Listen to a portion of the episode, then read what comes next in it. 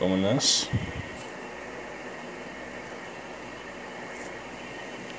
Uh, plano de contas, então, né? Como o plano de contas deve ser estruturado? A estrutura do plano de contas segue diretrizes da Lei das Sociedades Anônimas e suas alterações. Por isso, deve ser dividido em cinco grandes grupos: ativo, contas devedoras, passivo, contas credoras, custos, contas devedoras, despesas, contas devedoras, receitas, contas credoras. Esses grupos, por sua vez, também se subdividem. Ativo representa a parte positiva do patrimônio, fonte de investimentos e as aplicações de recursos, bens e direitos, e pode ser ativo circulante, bens e direitos realizáveis em um prazo inferior ao círculo ao ciclo operacional de uma empresa ou que não ultrapasse 12 meses após a data do balanço. 2. Ativo não circulante. Bens e direitos realizáveis em um prazo superior ao ciclo operacional de uma empresa ou que ultrapasse 12 meses após a data de balanço. Realizável a longo prazo, investimentos imobilizado, intangível. Passivo representa a parte negativa do patrimônio, a fonte de financiamento e as origens de recursos, as obrigações.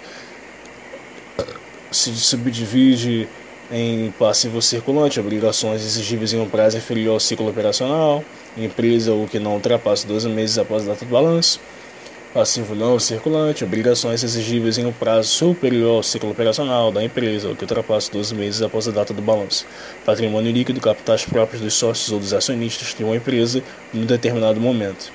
Ciclo operacional, período que compreende desde a compra da matéria-prima utilizada por uma empresa para confeccionar um produto, passando pela venda deste produto até o efetivo recebimento de dinheiro relativo a essa venda. Custos representa o valor depreendido diretamente relacionado com a produção, comercialização ou a prestação de um dos mais serviços.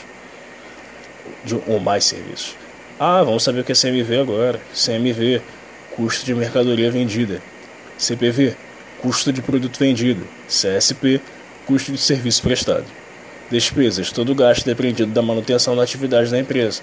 Se subdividem em comerciais, administrativas, financeiras. Receitas. Todo valor obtido decorrente da venda de produtos ou serviços de uma empresa se subdivide em vendas, prestação de serviços, financeiras. O que são contas sintéticas e analíticas no plano de contas? Cacete, tem isso aqui? Hum... Felizmente não. Mas vamos ver o que é o que são contas sintáticas analíticas no coisa da empresa. Analíticas são aquelas que representam elementos patrimoniais com mais detalhamento, seu saldo obtido por meio de lançamento, ou seja, dos registros de cada fato administrativo. É, enquanto a sintética, cuja, cujo saldo é obtido por meio de somatória de saldo ou de duas ou mais contas analíticas, ou de duas ou mais contas sintéticas, né? As contas sintéticas não recebem lançamento e são menos detalhadas. O que é o plano de contas referencial da Receita PCRR?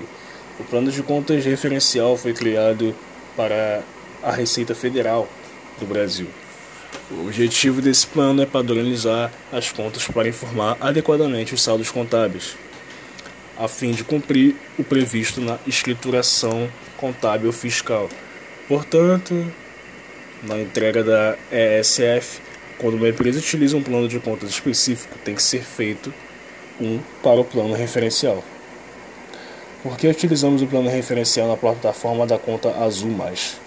Um dos, um dos objetivos da nossa plataforma é entregar a contabilidade em tempo real, contabilização automatizada. Para isso é necessário um plano de contas padrão, de modo que nosso motor efetue automaticamente lançamentos quando ocorre um fato contábil. Então, utilizamos, um plano, então, utilizamos o plano referencial como base para a contabilização, por consequência, não há necessidade de DE traço bar para. Respira.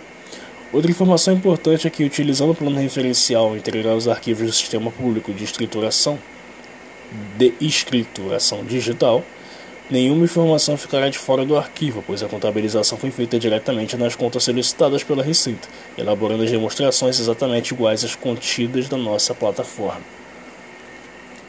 Muito bom. E olha só. Só 5 minutos.